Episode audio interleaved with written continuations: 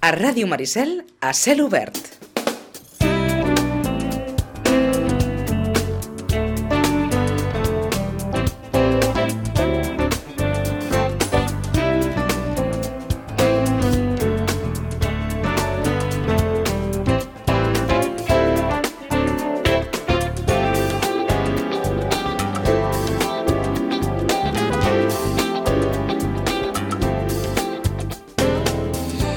No sabem si la Rosana va anar al vot del poble o no. Si va anar, té mèrit. Vaja, té un cert mèrit allò de dir vinga, la, la ment àgil i el cap despert l'endemà de la Mare de Déu de les Neus. Rosana, bon dia i bona hora. Hola, molt bon dia. Vas anar al vot del poble? No, no hi vaig poder anar. Vaja. No, era fora... Doncs, com a mínim, eh, eh, has fet un descans d'aquells de... El que sí, ho Eh? vam veure per... Te... Ho vam veure per televisió, el- eh? Com a mínim l'última part, que era la, la part que quan vaig arribar aquí. Mhm. Però sí que vam fer, bueno, vam veure el correfoc, vam veure eh? tot el que s'ha fet abans, sí. Mm -hmm. eh, no tenim llista dels llibres més venuts, com a mínim en el, en el suplement de, de La Vanguardia. No sé si és que ple estiu l'estadística es reposa una mica fins a arribar a la tardor. De fet, eh, eh, jo, jo crec que els que reposen, perquè vaja, nosaltres com que col·laborem amb un altre, amb el periòdico, també ens passa igual, els que, els que descansen són les persones que ho fan, és a dir, com que alguna vegada han de tenir vacances, doncs també ells agafen vacances l'agost i per això normalment, vaja, suposo que en el, la Vanguardia i sí deu passar igual, que agafen vacances i diuen bé, ara descansem Mhm. i ja hi tornem al setembre. Mm, perquè La- suposo la que també tre- és una mica erràtic, no? Doncs les, les d'agost, Sí, et anava a preguntar per la teva llista particular dels més venuts, si és que eh, et venen els que han sortit més al, al cap. pues sí, doncs, a veure, per nosaltres els més venuts en aquest moment serien doncs els, les tres bodes de Manolita en castellà, Mhm. en català eh, Un estiu a l'Empordà, amb la Camila Lackberg amb la mirada dels àngels, la veritat és que surt més en castellà. Tenim, eh, suposo que recomanació, i això sí que és cert, per recomanació, a nosaltres com a més venut ens surt Nos vemos allà arriba, eh, que és el Premi Concurs. Uh -huh.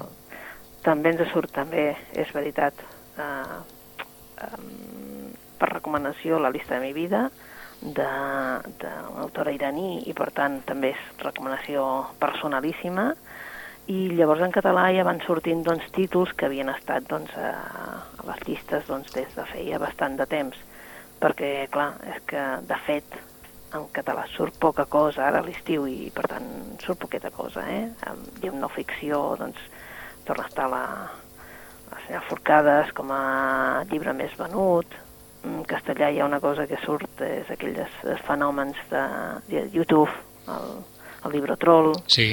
Uh, la, les Sisquelles també surt com a llibre més venut perquè jo crec que tenia tantes seguidors, tants seguidors que doncs, volen llegir aquells articles que va deixar per, per, publicar i que Columna li ha publicat d'un dia qualsevol i te'n diria més, però ara mateix saps allò, Mhm. el cap on te'l tinc Déu-n'hi-do per això, eh? Sí, sí, la veritat és que són els que més més recomanen. Eh? La gent està llegint. I també és veritat que el fenomen d'un avi, l'avi que va saltar, eh? l'avi de 100 anys que va saltar per la finestra, Sí. s'ha notat que es fa la pel·lícula, a Sitges es fa a finals d'agost i també es notarà, no? perquè a més a més porteu la, la versió original, que en la qual cosa doncs, també s'ha de notar més. Eh? I clar, això també es fa que, doncs, no? que hi hagi un truc de, de l'alfabeta que va salvar el país, que la gent doncs, busqui també um, llibres com a més coneguts, no? Sí, es nota. Ah. I si més enllà dels llibres més venuts, ara que estem a ple estiu, a 6 d'agost, li diguéssim a la Rosana, Rosana, una lectura d'estiu, així, sense pensar. D'abans, d'ara o de sempre, de la que... Mm, És que jo, jo a l'estiu llegeixo... bé, No, és, és, és mentida. Jo a l'estiu llegeixo tot el que ha de sortir al setembre, octubre, etc perquè en tinc la taula plena, això és veritat. I la veritat és que n'he llegit algunes que ja ja veuràs que sí, que, que donaran un bon, Et una bona tardor. Et, et Eh? anava a preguntar, i quan la professió no obliga, Eh, quan la la, la, no obliga, la, vocació, busco- la vocació què demanaria? Eh, No, llavors em busco coses com a... mm, Molt lleugeres? mm, molt diferents, saps? Ah, com a d'acord. molt diferents. Molt, una cosa que no d'això. Llavors, no sé, l'altre dia va caure a les meves mans doncs, una altra vegada un, un llibre del Saki. i per mi dir saki és dir infantesa, no perquè jo el llegís a la infantesa, ojo, eh? però que sí que veia que els meus pares llegien, doncs, uh, que el Saki era un, un, un, un autor que jo veia, i per què tenen tants llibres d'aquest autor que no, és que no em sonava, clar, no em podia sonar absolutament de res, no? Doncs eh, es veu que als meus pares els agradava la literatura anglesa i doncs el Saki, Bodehouse i tot això estava ple, les estanteries, jo veia que, que tenien. I clar, em va arribar a les mans un, i em va fer gràcia per, per allò, no? Perquè m'agrada l'edició. Bueno, ja saps que allò això uh -huh. de tocar els llibres sí. i que siguin... Allò físic, eh? Sí, eh, allò físic, i físicament és un llibre molt petitet, aquest sí que li hauríem de dir de butxaca, perquè realment té el tamany d'una butxaca, no com els llibres de butxaca, i es diu Reginal. Mm -hmm. I amb aquest nom tu ja veus que és doncs, societat anglesa, saps, allò, societat britànica d'aquella, sí. doncs, eh, salons, eh, senyors que parlen de la... Eh, uh, de les seves coses, aquests uh, una mica frívols, una mica doncs, elegants, etc. no? I la veritat és que és un llibret, no? que és un llibre petit, perquè ja et dic, eh? és un dandy d'aquells de, de, que sempre ens han, tant el Wodehouse com el Saki com aquesta gent ens han retratat i a mi doncs és una cosa que m'agrada suposo perquè el tinc tan tan lluny de mi, no? I però que sí que retraten una mica doncs, la manera de pensar d'alguna manera, eh? Mm -hmm. que són eh, molt mordassos i tal, a través de la, de la crítica, de la inonia, tu penses com pensaven doncs, la gent d'una certa època, sí. no? És un, un cronista, jo crec que el del seu temps, el Saki, eh? i llavors doncs, fa un personatge com molt divertit amb aquest Reginald. És humor, sí, però també avisem humor anglès, eh? Mm -hmm. I humor anglès, ja, clar, com que estem al 21, hem de dir que és segle XX, eh? però sí que la veritat és que és allò, quan no tinc res, doncs, llegeixo coses així com molt diferents, cosa, mm -hmm. que no, cosa que cap editor diria, escolta, que, que ha sortit això, llegeix això, no? o que tu dius, bueno, això en sortirà als diaris. No, no sortirà als diaris. Sigui, no sortirà als diaris ni cap de les, dels que ha editat editorial Navona, però que sí que és cert que, que val la pena doncs, recordar tota aquesta gent de d'enrere. Uh -huh. Em sembla que no havíem sentit parlar mai d'aquesta editorial. Navona. Navona. No. No sé si mai en, ens havies comentat un llibre editat per, per aquesta editorial, no, eh? Possiblement no, perquè no, és que no van per, per saps allò? No D'acord, no van, no van pels circuits habituals. No, no van ni pels circuits, no, primer que no deuen tenir un, una bateria de premsa que, doncs, que saps uh -huh. que mhm. faci que, doncs, que surti a tots els mitjans. El llibre, en realitat, és un llibre molt ben editat, saps aquells que, la, és que l'agafes amb una mà, és a dir, saps uh -huh. allò, que és petitet. Eh, també doncs tenen un... uns que són més grans. I el que fan. -huh. és recuperar doncs, autors com a molt diferents. Poden recuperar, ja et dic, el Saki l'han recuperat ara, però també han recuperat doncs, des de... Bueno, tenen una col·lecció de Navona Negra i una de ficció, i aquesta de ficció doncs, poden recuperar l'Erskine Catwell, saps aquell de la, del tabac, vull dir, mm -hmm. el George Brassens, el, el Tolstoi o el D.H. Lawrence, Carai. o saps? Gent però, com molt, però, molt, per molt exemple, diferent, eh? Però, per exemple, Tolstoi no l'edita un, un munt de gent? Sí, però en Sí. canvi, clar, però de Tolstoi editen les obres com així, com a més conegudes, però Haji Murat ja és més difícil. I ells han publicat només Haji Murat, saps? O sigui, obres que passen perquè no passen al sedàs de, dels altres editors perquè pensen que en vendran molt poques i que no val la pena. Eh? Això és un tema que, és clar ara no en parlem, però sí que, que és un tema. Eh? És a dir, si l'editor pensa que n'ha de vendre pocs, eh, en aquests moments mm, aventures no masses. Eh? Uh -huh. I aquest és un editor que fa aventures. Eh, um, però et, et anava a preguntar com arribes a aquesta, a aquesta editorial? No, no ja per exposar públicament la, la ignorància pròpia de dir editorial Navona, molt bé. Com, com s'arriba Sí, a, a saber no, l'existència d'un determinat tipus de llibres que dius, mira, llegeixo això, però això no el trobaràs allò tampoc amb, amb grans superfícies, o amb, sinó que No hauràs de... crec, perquè, Exacte, per això ho dic, com, com vas... El tipus de llibre és que si el posen, saps què passa? Com que és un color així com a... un color cru, clar, si un color cru en segons quin lloc pues, eh, que, eh, que acabaria sent negre al cap de dos dies, vull dir, Mhm. perquè la gent no tocaria i tal, no? Uh, aquestes editorials normalment, eh, ara cada vegada n'hi ha més, que s'adrecen directament a través de Gremi de Llibreters, doncs agafen llistat de llibreries, no?, que ells creuen que, que els hi poden solucionar, i llavors, doncs, d'arribar a través d'ells mateixos. I de vegades el que fan doncs, és a través del distribuïdor, insisteixen al di el distribuïdor de dir, escolteu, els llibreters que vosaltres us fem, sisplau, feu molta, saps? I llavors també a través del distribuïdor. Mm -hmm. eh? O sigui, és una qüestió d'escollir distribuïdor i llibreria. Sí, sí, sí. La veritat és que tu ja saps que el que et vingui de segons quin distribuïdor serà més literari, mm -hmm. que et vingui de segons quin... Bueno, serà més comercial. Ara, no sé, suposo que malgrat que has estat de vacances i tot, ja has vist que s'està repartint molt el pastís però d'una manera Mhm. terrible, eh? I Vull tant. Dir, està, estan dividint-se, eh, saps? Les porcions cada vegada Sí, són sí, més grans, eh? sí, sí. I el tancament de llibreries és més evident cada vegada, també. Sí, sí, sí, vull dir, a partir de- d'aquest primer mes d'agost ja, eh, diguéssim que tota la part d'Alfaguara, Aguilar, saps allò, El País, tot això Mhm. ha passat a ser Random, Penguin Random House Mondadori. D'acord. O sigui que al final només quedarà això, vaja, en mans de, de, de dues grans empreses, per exemple? Sí, i Sí. llavors el, els petits molt atomitzats, no? Vull dir, Mhm. petits com, jo què sé, doncs, a, a veure, en català ja sabem que quan diem petits sempre posem com a exemple, home, la Magrana, ai, la Magrana, perdó, la Campana, Sí. Quaderns Crema, són editors de moment independents, de moment, vull dir, clar, però esclar, també hem d'entendre que, doncs, que, no?, Mm. que és clar que estan batallant ells solets, Sí, no? sí. Diem, des d'ara, bueno, que estan sortint editors, doncs, petits i que fan la seva feina. L'altre dia, doncs, eh, hi ha un autor d'aquí d'aquí Vilanova que treballa al Vendrell i que acaba de publicar un, un llibre de contes que, que es diu Portes giratòries, no? I em diu, bueno, és que això és d'una editorial petitona que no deus conèixer. Mm. -hmm. plan, no, no la conec, però bueno, ara ja la conec, saps? Vull dir, és un Sí, editor. esclar. Clar, és, és això, anar coneixent a través, saps, de dir... Perquè quantes, abans de fer la llista de recomanacions, quantes editorials, diguem-ne, petites o d'aquest estil, hi pot haver?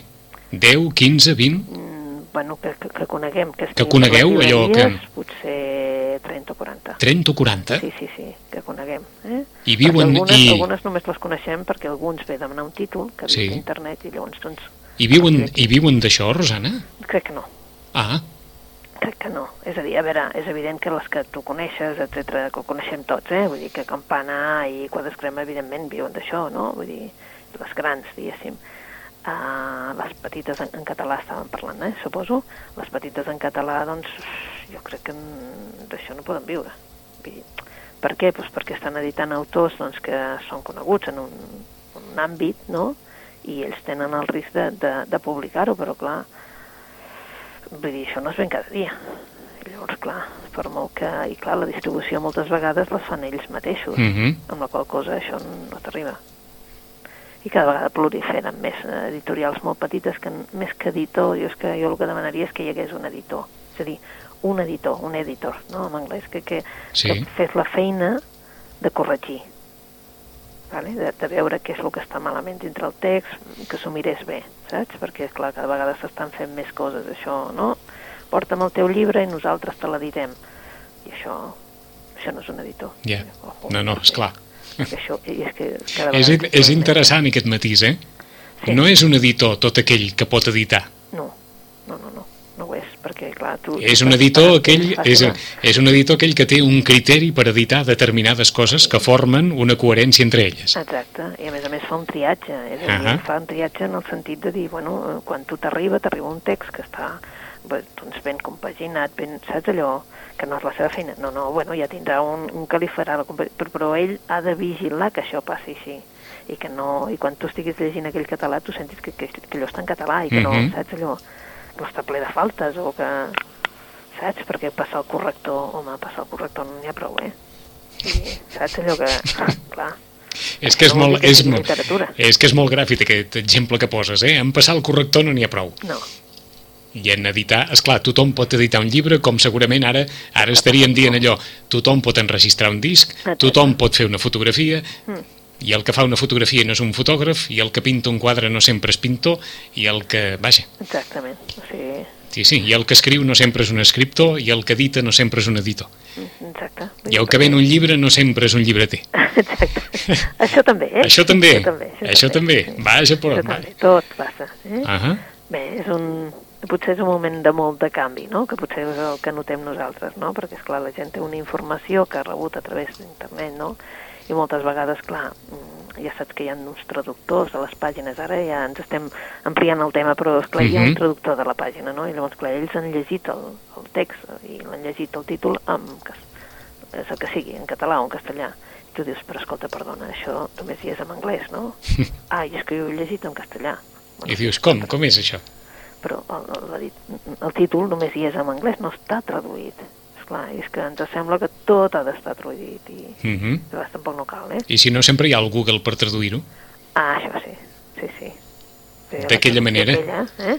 Però com que al final dius, mira, ja ho entendré, Exacte. Sí, sí, sí. doncs ja està, Una eh? és això. Ara, Ja que això sigui literatura... Que això sigui la tura ja és una altra cosa. ja- a vegades em fa pensar als anys 70 o 80, quan, quan anàvem a Andorra, Sí, i allò comprar un transistor japonès o un aparell eh, electrònic i un agafava el manual d'instruccions i era molt divertit llegir com eh, els japonesos traduïen el seu, els seus manuals d'instruccions al castellà amb, amb tot un seguit d'expressions que feien riure de, de, de, vaja, eren fins a cert punt rocambolesques a, l'ús del llenguatge que feien, que feien servir. Per dir que una cosa es feia malbé deien que s'arruïnava, quan aquí arruïnar és una altra història, per exemple. Eh, doncs aquestes traduccions tan a vegades, no sé si dir si literals o, o lliures que fan els traductors, eh, que té mèrit, el software que hi ha per internet, doncs evidentment tampoc, tampoc se diu.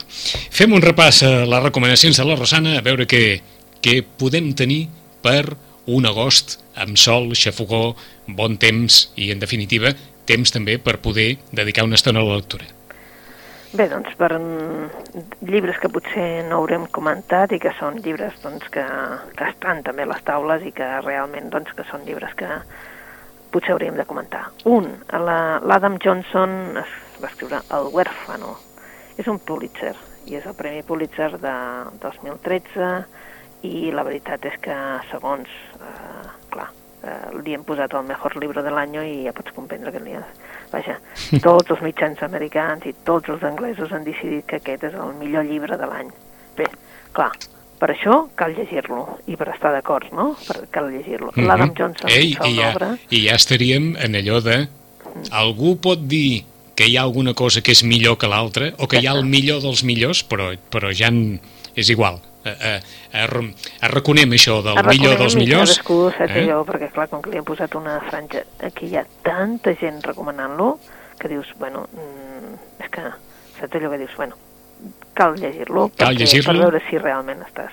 D'acord. Es diu El huérfano, de moment no s'ha traduït al català i, Mhm. i ara aquestes coses també potser costen, eh? El huérfano. El huérfano és un, un nano, eh? de fet el Jundó, que viu en un orfenat i que la veritat és que ell considera que és clar, que és que està en el millor país del món, eh? però és clar, és, és un orfe, però clar, ell se considera ciutadà de, del millor pa- país del món. Uh, què passa? Doncs que resulta que mm, als 14 anys el recluten, uh, estem parlant de Nord-Corea, i el recluten a l'exèrcit nord-coreà.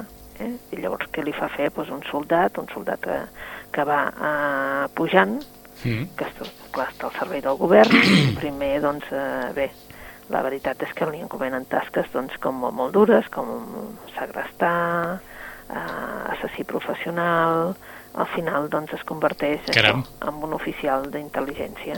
Eh? Clar, ell té un sentit, diguem-ne, penseu que ha nascut un, ha crescut en un orfenat i després ja directament ja ha anat a parar a l'exèrcit, per tant, té un sentit de, de sacrifici i, i del, De disciplina i de... D'acord, disciplina, li, la lleialtat... lleialtat i, esclar, eh, fa tots aquests actes i els actes més escandalosos, més horrorosos, sense ni, ni sentir, com aquell qui diu res, no? Però també alhora eh, resulta que, de mica en mica, és també aquell nen, aquell nen abandonat que busca que algú l'estimi, no? Mm -hmm. I l'orfà és doncs, un thriller, un thriller que és un retrat molt surrealista eh, d'aquest món que està amagat sota un règim, un règim eh, dictatorial. Però també alhora és com una història d'amor, no?, que ens porta cap a Corea del Nord, no? I la veritat és que, és clar, eh, en definitiva, tots portem dintre doncs, tot aquell, aquell, aquell nen que vam ser, no? Mm -hmm.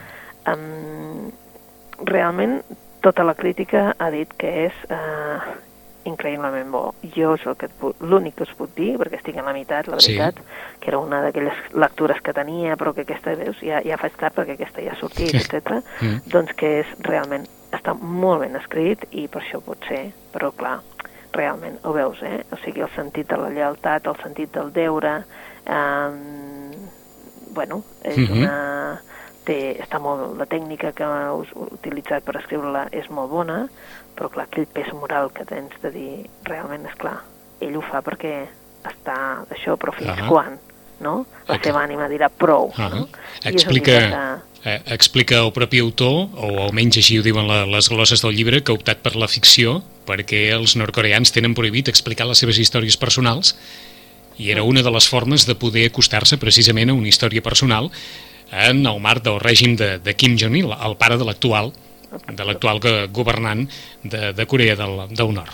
Sí, La, la història d'aquest eh, d'aquest noi, d'aquest noi que es creia viure en el millor país del món, El huérfano, d'Adam Johnson, Premi Pulitzer 2013, acabat de sortir el mes de juliol, ha sortit Sí. la novel·la, o sigui que res, aca- acabada de sortir a les llibreries. Primera recomanació, i és una recomanació d'aquelles contundents, eh? Sí, sí, sí. I després tenim la recomanació d'un d'un thriller també, perquè et dic que jo crec que a l'estiu el que volem és coses que ens, que ens transportin. O bé eh, aprofitem per llegir tot allò que encara tenim sobre la tauleta de tots aquells, eh? eh, hi ha molta gent que sí, que és cert que li agrada doncs, venir, triar i remenar, i Mhm. alguns aprofiten per llegir doncs, coses clàssiques, però altres doncs, volen doncs, això, novel·la policiaca. Dintre de la novel·la policiaca, és, eh, em sembla que ja ho vam explicar un dia, que a RBA, l'editorial RBA, que saps que té la millor col·lecció de novel·la policiaca, això s'ha de reconèixer, llàstima que la majoria només les té, clar, com que és RBA, ho té en castellà, Sí. i alguna cosa l'ha traduïda al català. I ara la baixada absolutament de preu i és a 9,95. Eh? Dir Mhm. que llegir novel·la policiaca a 9,95, però amb el format gran, doncs també és un, un goig. Un, ali un al·licient, eh? Un al·licient, sí, sobretot aquells que, doncs, que no han llegit el Philip Kerr, no? Uh, aquell investigador uh, pues, um, a les files de Hitler, o sigui que, diguem-ne, que d'alguna manera doncs, està vivint doncs, uh, ara el d'haver-se passat cap a la investigació i no, no sé, diguéssim, de soldat, eh, per Mhm. dir-ho d'alguna manera. Però dintre d'això tenim altres propostes com un que és El nadador, eh, del Joachim Zander. És un thriller que ells porten, porta una etiqueta que diu que és l'únic thriller que has de llegir, que tu tens necessitat de llegir aquest any. El que passa que et porten cap a Damasc, Damasc de l'any 80, i és un exèrcit, eh, un agent de l'exèrcit estadounidense que, que, que bé, que de, de fet porta un criu i l'abandona, l'abandona cap a un destí així com a incert. Eh? És una traïció que ell mai més es perdonarà i que és el, eh, diguéssim que és el, la ruta que ell agafa de- a partir d'aquell moment, perquè fuig, i fuig realment de si mateix, eh? perquè és clar, sap que ha fet alguna cosa que és imperdonable. Eh? Uh, quan ja no es pot amagar de la veritat, es veu obligat a prendre doncs, una, una decisió. No? El que passa i 30 anys després tenim a la Chiara Walden, eh, que és una sueca que treballa al Parlament Europeu i que es veu doncs, embolicada en una trama d'espionatge internacional. Eh? Bé, allà hi ha implicat absolutament un munt de gent, des del seu examant, que era membre de les forces especials, bé, una sèrie de gent que de la nit a la, de, al no-res la Chiara i el mamut doncs, eh, es converteixen en l'objectiu d'una cacera.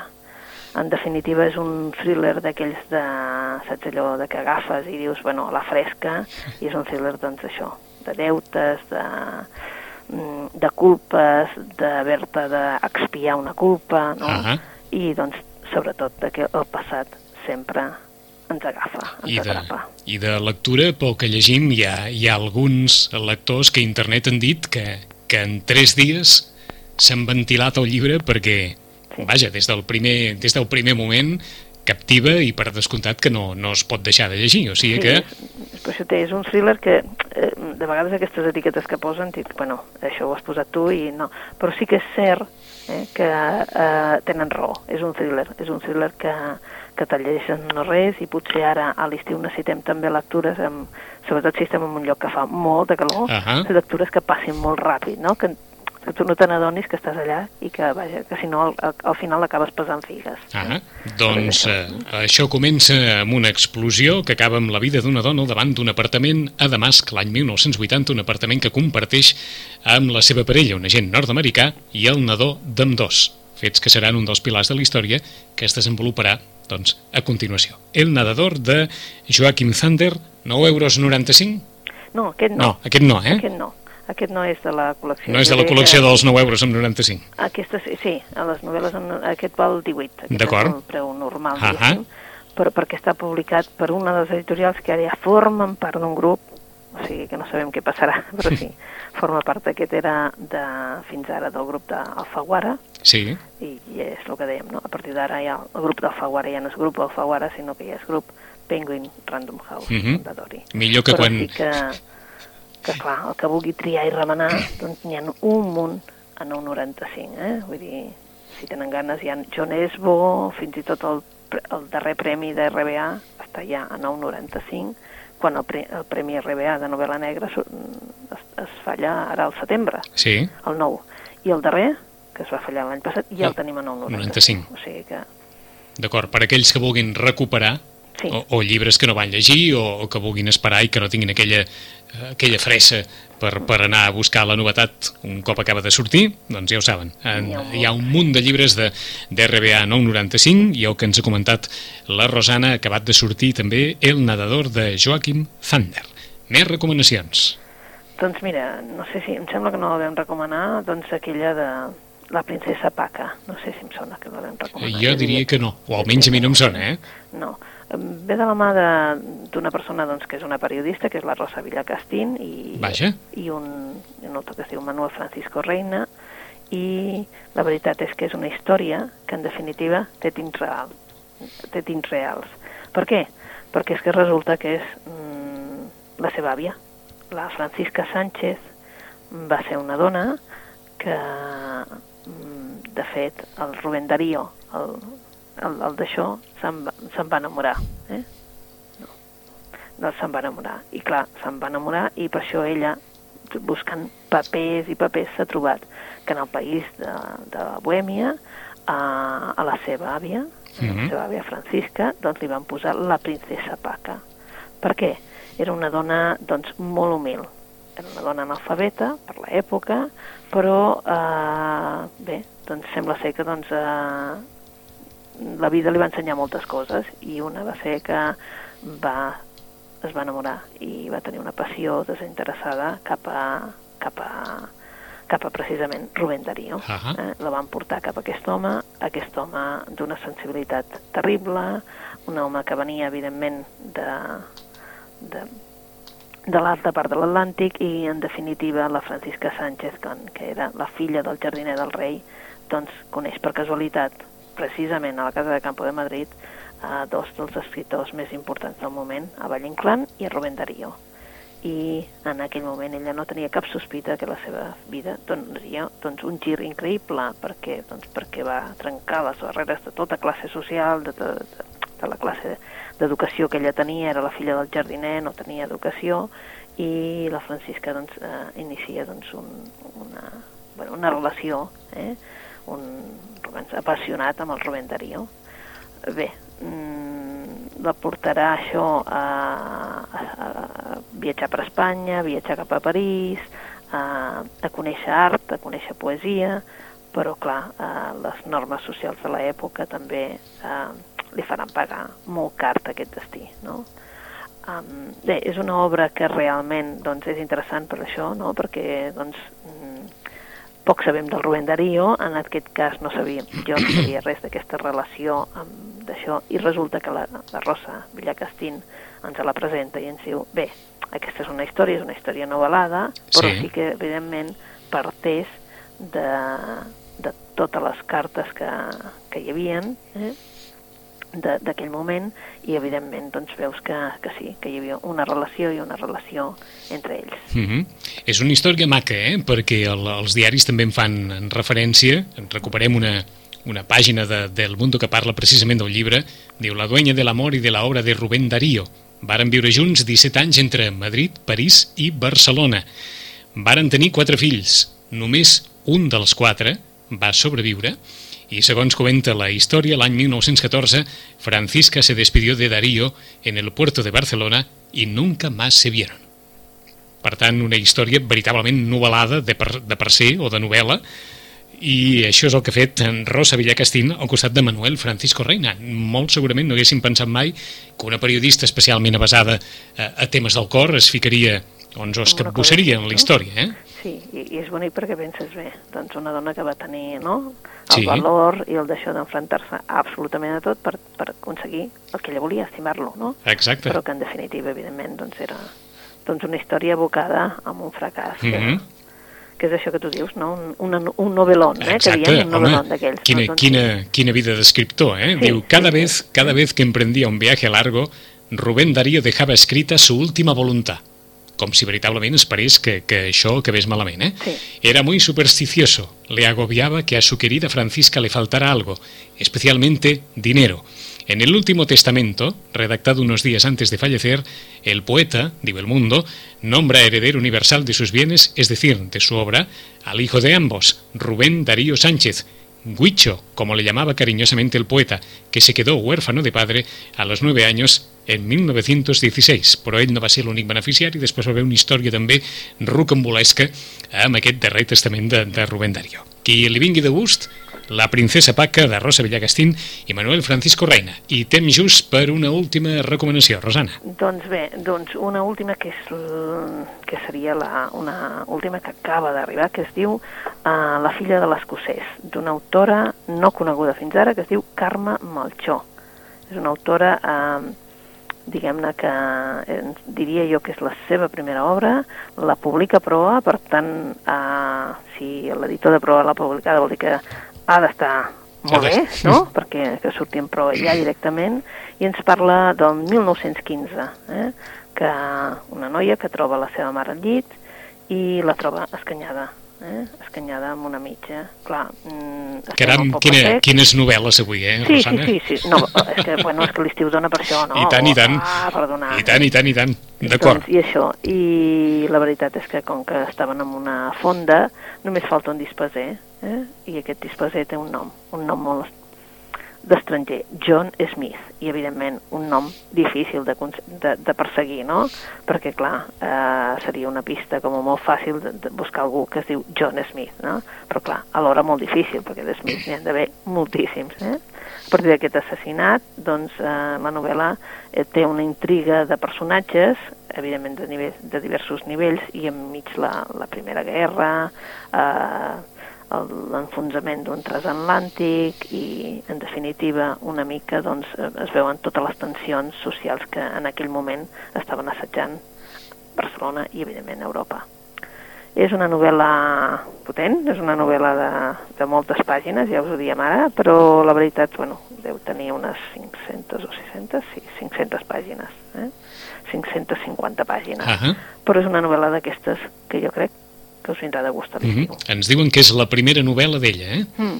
i que és una novel·la allò, un fresc de la Barcelona d'inicis del segle XX. Si algú creu doncs, que la ciutat de los prodigios és el fresc de la Barcelona de finals del XIX, doncs d'alguna forma poden ficar-se en aquest fresc d'inicis del, del segle XX. Diu eh, l'editor que la novel·la encreua personatges històrics com el batlle Piqui Pont, amb uns altres d'inventats, com la propietària d'aquesta humil fonda del Poble Sec, i aconsegueix de fer un fresc social i reconstruir l'aire de l'època amb rigor, naturalitat i emoció. I això que l'autora és filla de pintors, no pas de- d'escriptors. d'escriptors. Diu, família de pintors entre teles i pinzells, relats de la Guerra Civil i històries familiars. Llicenciada en Ciències de la Informació, va fer un màster de guionatge i ha col·laborat en diversos mitjans de comunicació. Es diu Calma'm, Carme Malxor, i la posta de pro per aquest estiu, La filla de l'escocès, que és recomanació també de, de la Rosana, que ens diu allò que fèiem abans, eh? Si la dita proa és que està bé. Sí, no, jo, jo me n'enfio de l'editor. Doncs bé, és en aquest cas me n'enfio de l'editor, Eh. que, eh, saps, allò... Eh, crec que sí. Eh, això demostra fins a quin punt els editors tenien un paper i tenen encara un, un tenen. paper de referència o el paper que, que han de tenir, eh? Que han de tenir, sí. La filla de l'escocès de Calma Marchó. Fem, doncs, un, un resum d'Adam Johnson, el huérfano, Premi Pulitzer de l'any 2013, la història d'aquest noi a la Corea del Nord i a la recerca de la felicitat. Diuen que és un llibre sensacional, la Rosana se l'està llegint i diu que està sensacionalment ben escrit. Dins de la col·lecció de RBA, que hi ha un munt de llibres, un munt de thrillers, a 9 euros amb 95 per qui vulgui passar allò una lectura estiuenca o els vulgui obsequiar aquest estiu per dir, vinga, llegiu que és, que és estiu i teniu temps. Hi ha una novetat, però, a preu de novetat, que és El nadador de Joachim Thunder, que situa els fets a Damasc l'any 1980, la mort, una explosió eh, i tota una trama eh, política policial. De Rosa Villacastín i Manuel Francisco Reina, la tribulada història d'amor entre Francisca Sánchez i Rubén Darío, la princesa Paca, es diu el llibre, i finalment la filla de l'escocès, la Barcelona d'inicis del segle XX, sota la ploma de Carme Melchor en la seva primera incursió en el món de la literatura, editat per Pro. En 15 dies tornem. Bona lectura, Rosana. Molt bona lectura. Adéu-siau. Adéu.